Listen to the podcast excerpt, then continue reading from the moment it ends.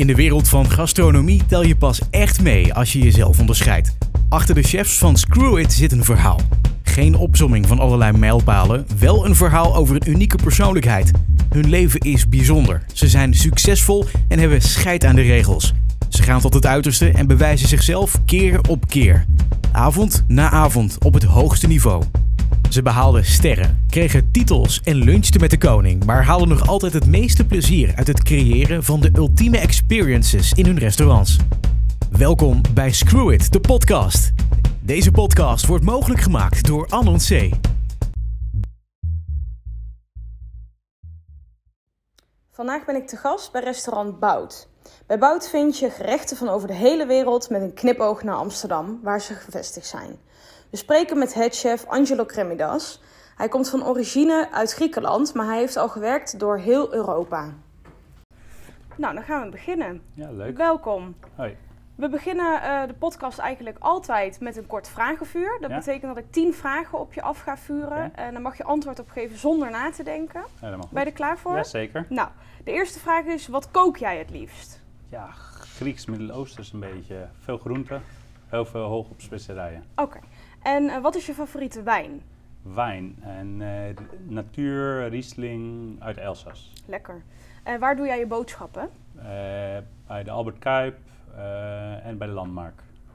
En waar ga je het liefst op vakantie? Ja, naar Griekenland, omdat ik daar oorspronkelijk vandaan kom. Ja, dat snap ik. En wat doe je op een vrije zondag? Op een vrije zondag. Die zijn wel schaars eh, momenteel, maar ja, met mijn honden in het park lopen.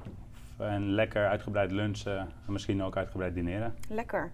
Wat is jouw favoriete ingrediënt om mee te koken? Mm, ingrediënt, ja, eh, aubergine. Verrassend. Wat is je favoriete stad? Die, die is moeilijk. Eh, mijn favoriete stad? Ja, Londen. Eh, echt een magie. Ik heb daar zes jaar gewoond en dat is Mhm. echt heel leuk. Prachtig, ja. ja. En wanneer ben jij het gelukkigst? Mm, als ik op vakantie ben. dat snap ik, ja. Hoe zou jij jezelf omschrijven in één woord? Ja, pff, moeilijk. Nee, moeilijk. Dat, is, dat is die woord, ja. En wat zou jij meenemen naar een onbewoond eiland? Mm, een goede fles wijn. Nou, dit was hem alweer. Bedankt voor jouw antwoorden. Ja, Ehm, ik wil eigenlijk beginnen bij het begin van eh, jouw carrière. ja, Jij komt uit Griekenland ja, dat klopt. en daar ben je ook begonnen met koken. Ja, dat klopt. Ik ben begonnen in de bediening toen ik eh 13 was. Eh, ik heb voor 3,5 tot ah, 4 jaar eh, elke zomer in de bediening gestaan. Het was heel leuk toen de tijd. Eh, en ik vond, ja, ik vond horeca heel, heel leuk. Dus ik heb besloten om toch de keuken in te gaan. En ik heb eh, een jaartje daar als niks gewoon zitten grillen, pellen, doen. En dat vond ik heel leuk. Nou ben ik de leger ingegaan. In Griekenland ga je verplicht een jaar de leger in. Oké. En eh, daar, ben ik, eh, daar ja, ben ik beland in de keuken. En dat, was, eh, dat was ook leuk. was heel anders, heel intensief, heel Ja. groot. Je moest een leger van 400, 500 man voeren dagelijks, drie keer per dag. En toen had ik besloten dat dat hem is. En eh, ging ik, eh, heb ik een koksopleiding gedaan in eh, Griekenland. Oké, en welke opleiding was dat? Ja, het is op een privéschool, het hele mond. En je doet twee jaartjes intensief koksopleiding. Ja, je, je krijgt alleen maar de basis. Maar ik had gelijk ook een fulltime, fulltime baan in Griekenland. Oh, dat is fijn.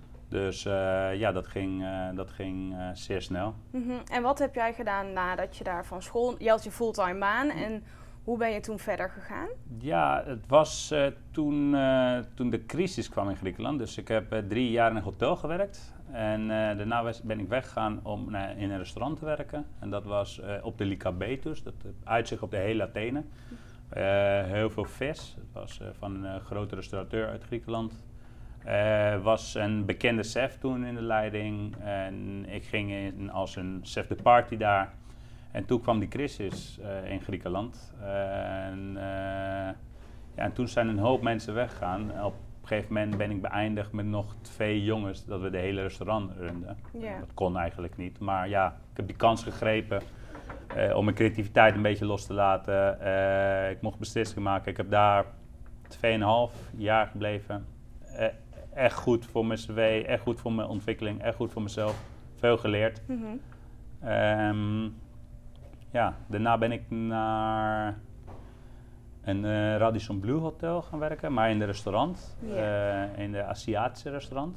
Eh, daar heb ik met Christian gewerkt. Hij is een chef die negen jaar in Japan heeft gewerkt. Hij is de executive van de hele hotel in. Athene. Maar hij deed alleen eh, hij deed service op zijn sushi bar boven. Dus eh, niemand anders mocht in zijn sushi bar. en ik deed zijn eh, tempura, teppanyaki en, ehm en wok. Mm, daar heb ik ook heel veel geleerd. Ja. En ook een beetje in de hotel meegeholpen. In de centrale keuken, evenementen, bruiloften, van alles, van alles dat je kan bedenken. Ja. Eh, dat was wel leuk, uitdagend, maar ik was nog jong en ik was een beetje klaar met Griekenland. Mhm. En toen heb ik besloten om naar Londen te verhuizen. Oké. Eh, daar heb ik eh, voor anderhalf jaar als een souschef gestaan bij Mazie. Mazie is een, een Grieks restaurant op een Michelin-niveau. Een heel creatief fusion Griekse, Aziatische eh, twist. Van heel traditionele Griekse gerechten, maar met Aziatische combinaties. Dus denk aan een feta tempura of eh, dat soort dingetjes. Eh, het is het eerste restaurant die Grieks eten in Londen anders heb gedaan op een hogere niveau. Mhm. Eh, en dat was heel leuk en heel goed. Maar na anderhalf jaar heb ik besloten om daar te stoppen. Omdat ik naar Londen ben geweest om, niet, om ook mijn taal te verbeteren, ook andere dingen te zien.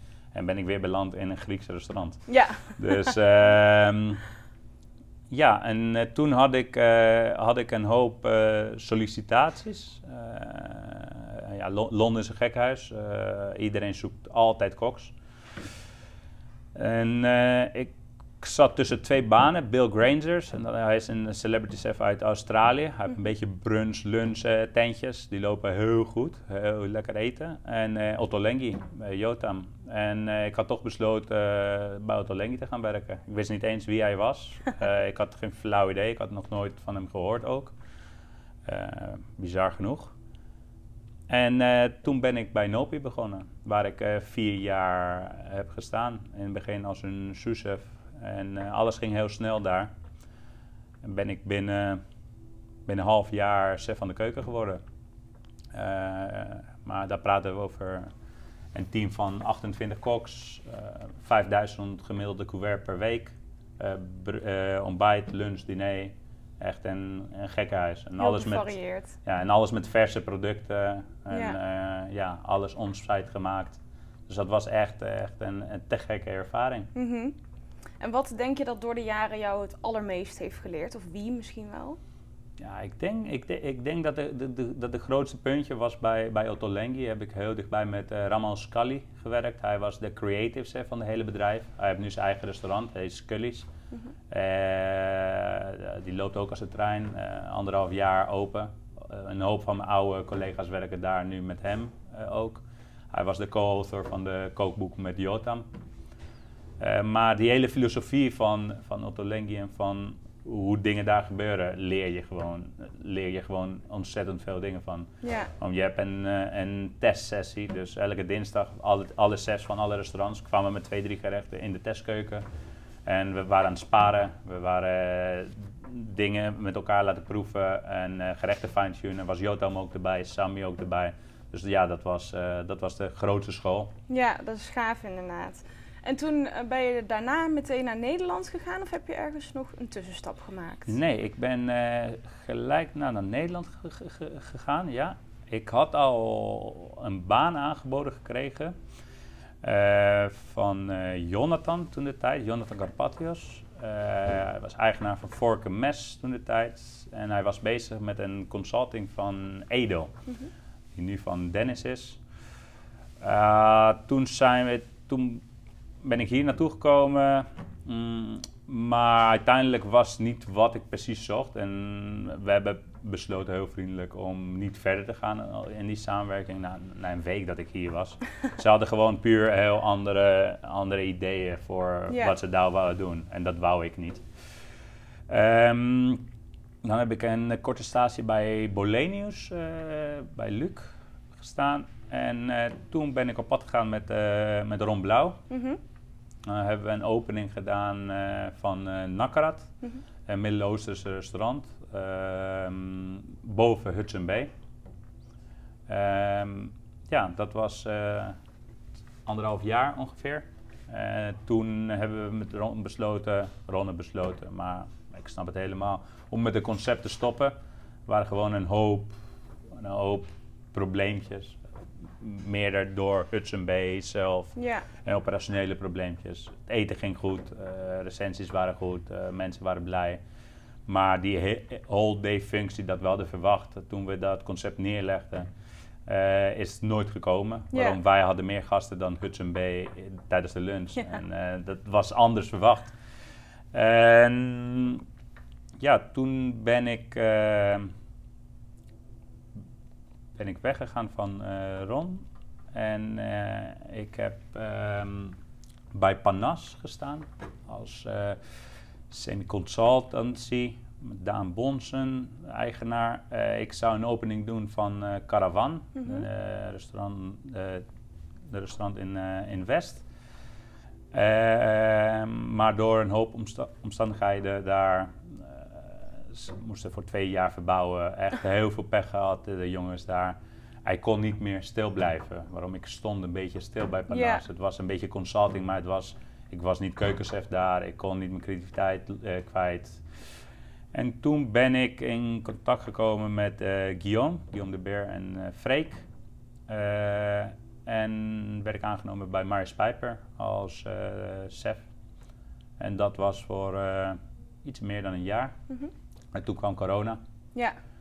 En eh, toen, eh, ja, corona, lastige periode. Een hoop mensen in paniek gereageerd. Eh, zijn gewoon een paar dingetjes fout gegaan hier en daar. Dus ik had besloten om, om mijn contract niet verder te verlengen. En om op zoek te gaan met iets anders. Ik had al een hoop belletjes van mensen. Oh, wil je bij mij komen werken? Wil Ja. je iets samen doen? Eh, wil je iets ondernemen met me? Dus eh, ik was heel gerust dat, Ja. dat, ik, dat ik ergens leuk terecht zou komen. Mhm. En toen belde Michiel. En ehm, we zitten nu in het oude restaurant C. Eh, hier is Bout ooit ontstaan, negen jaar geleden. En eh, ja, toen belde Giel eh, dat hij dat een nieuwe bout eh, wil neerzetten. Terug op de locatie waar het ooit begon. Op een vaste plek, maar een beetje anders met een nieuwe jasje. En het is grappig genoeg, we hadden op de eerste, eerste, eerste ontmoeting had ik gezegd... ja, je krijgt een 40% van de kaart dat jij kan invullen. Ga ik de 60% doen. Ah, in die tijd tussen augustus en eh, december hebben we elkaar leren kennen. Mhm. Eh, we zouden in januari hier open gaan, maar dat is niet gebeurd. We zijn gewoon 28 april open gegaan. maar in die tussentijd hebben we elkaar leren kennen. Veel betekend voor elkaar. Dus eh, ik denk dat ik 95% van de kaart nu hier heb gekregen samen met mijn souschef, eh, Kevin. En we hebben iets heel leuks hier eh, neergezet. In die, in, die, in die korte periode eh, durf ik te zeggen dat we echt een, een heel succesvol restaurant hebben neergelegd. In, in deze tijden en Ja. met deze beperkingen eh, zijn we dagelijks vol. Vanaf Ja. maandag tot met zondag. Lunch ook druk, op de Wiebootstraat. Ik, ik ben ex- extreem blij ermee. Ja, dat snap ik. Ja, het is heel lastig inderdaad om in coronatijd iets te openen. Maar het ziet er hier beneden wel echt super mooi uit. Ja, zeker. ik zag. Michiel volgens mij ook al voor op het terras eh, Ja, zitten. ja, het is onze vergaderingdag. Dus, ja, eh, oké. En hoe was het voor jou toen je in Nederland kwam? Heb je, had je al Nederlands gesproken of heb je het geleerd toen je hier Ah, kwam? Ik, ik ben tweetalig opgevoed. Mijn moeder is Nederlands. Eh, ik heb nog nooit hier gewoond. Ik kwam altijd op vakantie om opa en oma uit te zien. Ja. En mijn neefjes. eh, dat ze allemaal in, in Guizen horen. Eh, maar ja, nee, ik sprak niet zo goed Nederlands eh, ehm, toen ik hier, hier naartoe kwam. Mhm. Het is nog steeds een beetje moeilijk, maar mensen begrijpen me wel. Dus, Ja, Ehm, nee, mijn, mijn, mijn eerste jaar hier in Nederland was een beetje meer Engels praten. Een beetje alles ook in Engels typen. Nu doe ik alles in het Nederlands gewoon. Ja. Mijn vriendin is ook Nederlands. eh, verwacht een baby zo direct. oh, leuk. Dus ehm, ja, Leuk, heel leuk. En ehm, je zei dat je met Ron Blauw hebt gewerkt. Hoe was dat voor jou? Ja, het was, eh, het, het was eh, leuk. Het was echt intensief. Ehm, maar wel een heel, heel leuke jaar gehad. Eh, ik ben een beetje ook betrokken vanaf het begin van, van het restaurant. Ik heb ook een beetje op Sofia lang gestaan. Ron is gewoon on top of his game. Hij is een van de, van de beste ondernemers momenteel in eh, Amsterdam als niet in Nederland. Mhm. Hij is slim. Hij ontwikkelt zichzelf eh, dagelijks. Hij staat nooit stil. En Nee. dat, is wel, dat, dat is wel iets eh, leuks. Daar leer je heel veel van. Ja. ja, dat kan ik me voorstellen.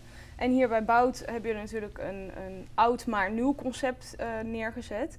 Kun je me een beetje vertellen wat jullie hier precies doen? Ja, zeker. Eh, dus eh, wat Bout inhoudt, Bout, Bout was een circus, dus een moving circus eh, langs Amsterdam. Altijd leuke chefs gewerkt voor het team. Michiel, tot nu toe staat nog steeds hier en daar in de keuken. Een beetje meer nu bij Barbout, waarom daar is de behoefte meer Mhm. op. Ehm, hier regelen we het een beetje zelf.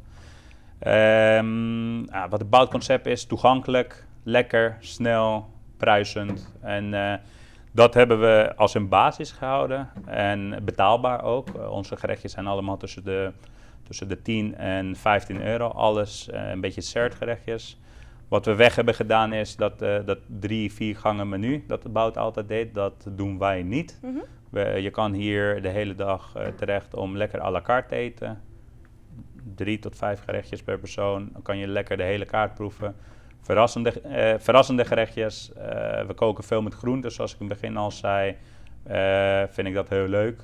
Dus ja, voor, voor Amsterdamse Nederlandse begrippen hebben we genoeg tot veel groente op de kaart. Ja, maar een beetje verrassend en een beetje anders.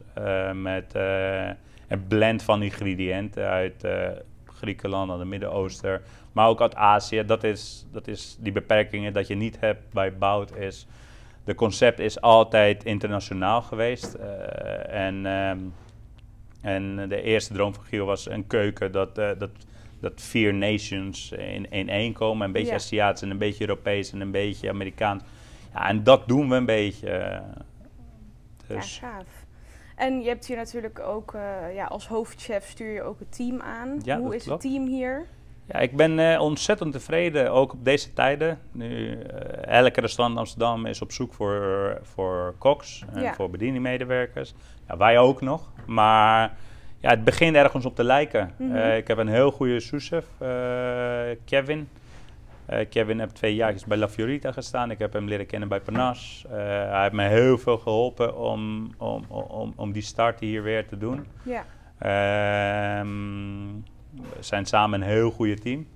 En daarna, ja, daarnaast heb ik, eh, heb ik jongens van mijn verleden hier en daar gecontact. En ja, ik ben blij dat ze nog steeds met mij willen werken. ja. En ja, bijna 90% van de, van, van, van de mensen die beneden staan nu eh, zijn oude collega's van me en oude, ja, oude van me. leuk. Ja, leuk dat je dan zo weer met oude connecties... eh, Ja, je iets moet, je moet het heel voorzichtig doen. Waarom? Ik, eh, ik ben niet de persoon die mensen gaat wegtrekken van ergens. Ik contact alleen maar mensen die, die geen baan hebben die, of die echt op zoek zijn voor iets. ja, Die ontevreden zijn. Ik ga niet eh, mijn oude chefs bellen, oh kom voor mij te werken. Waarom? Het is een, een ongeschreven regel dat je dat niet mag doen. Mhm. En dat zou ik ook niet leuk vinden bij mij. nee. Dus nee, dat doe ik ook niet. Nee. En naast een team ehm, heb je natuurlijk ook een systeem dat je ondersteunt. Het heet Mm. Annoncé. Ja, dat klopt. Hoe vind je het om te werken met Annoncé? Ja, ik heb, eh, ik, ik, ik heb bij Ron Blauw ook gewerkt eh, met het systeem. Het was, eh, het was niet de annoncé dat we nu hier hebben. Ja. Het was dat, dat ehm, die, die Amerikaanse caterer Mhm. eh, basissysteem. Ja. En dat was echt overzi- overzichtelijk toen en eh, mooi en leuk. Maar ja, de- de- de- wat je nu terugkrijgt van Annoncé nu is gewoon veel, veel meer. Je hebt Mhm. inzicht op alle tijden, over wat je verkoopt, over de communicatie met het team. al- alles klopt. Je kan hem koppelen met Formidabel.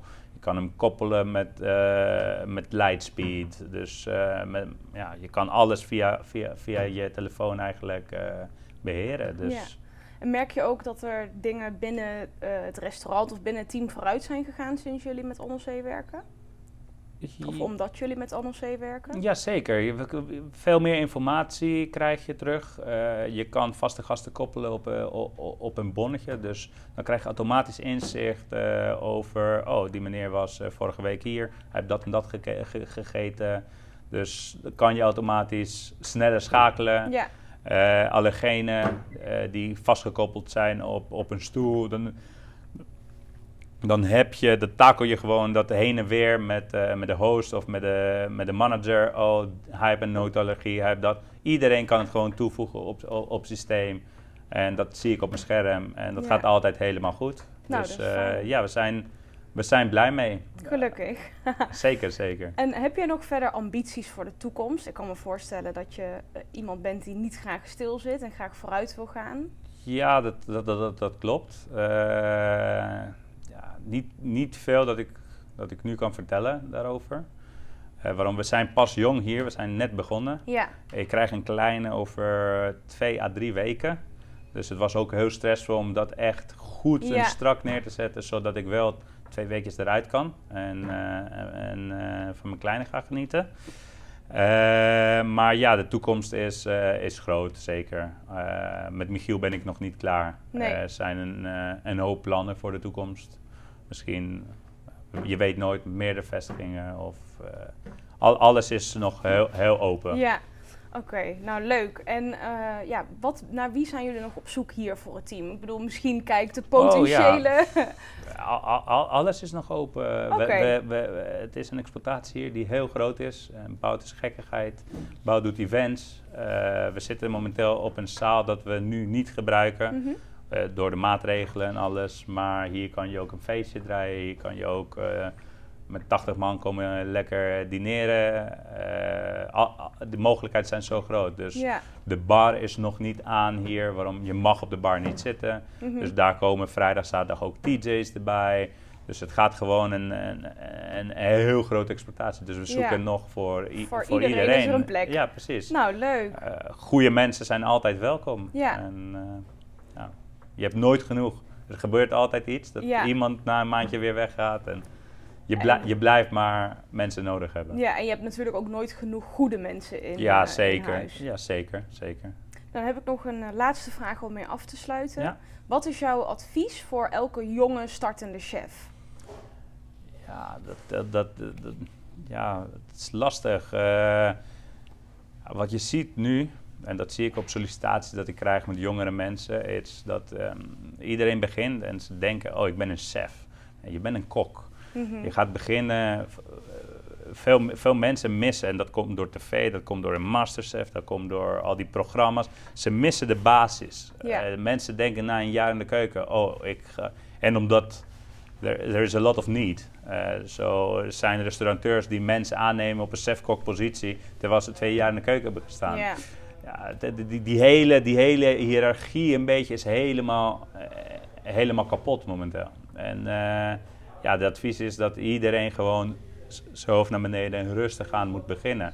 Je moet gewoon genoeg klappen krijgen, je moet eh, genoeg werken, je moet genoeg schrobben, Mhm. totdat je, totdat je echt, echt, echt on top of je game bent. En je stopt nooit met leren. Wij leer, ik leer ook dagelijks en ik leer van mijn van- mijn afwasser tot met mijn, tot met mijn bedrijfsleider. Dus je blijft, je blijft, je blijft leren. Ja, Dus eh, dat stopt nooit. nou. Maar ja, mensen moeten een beetje meer focus zijn.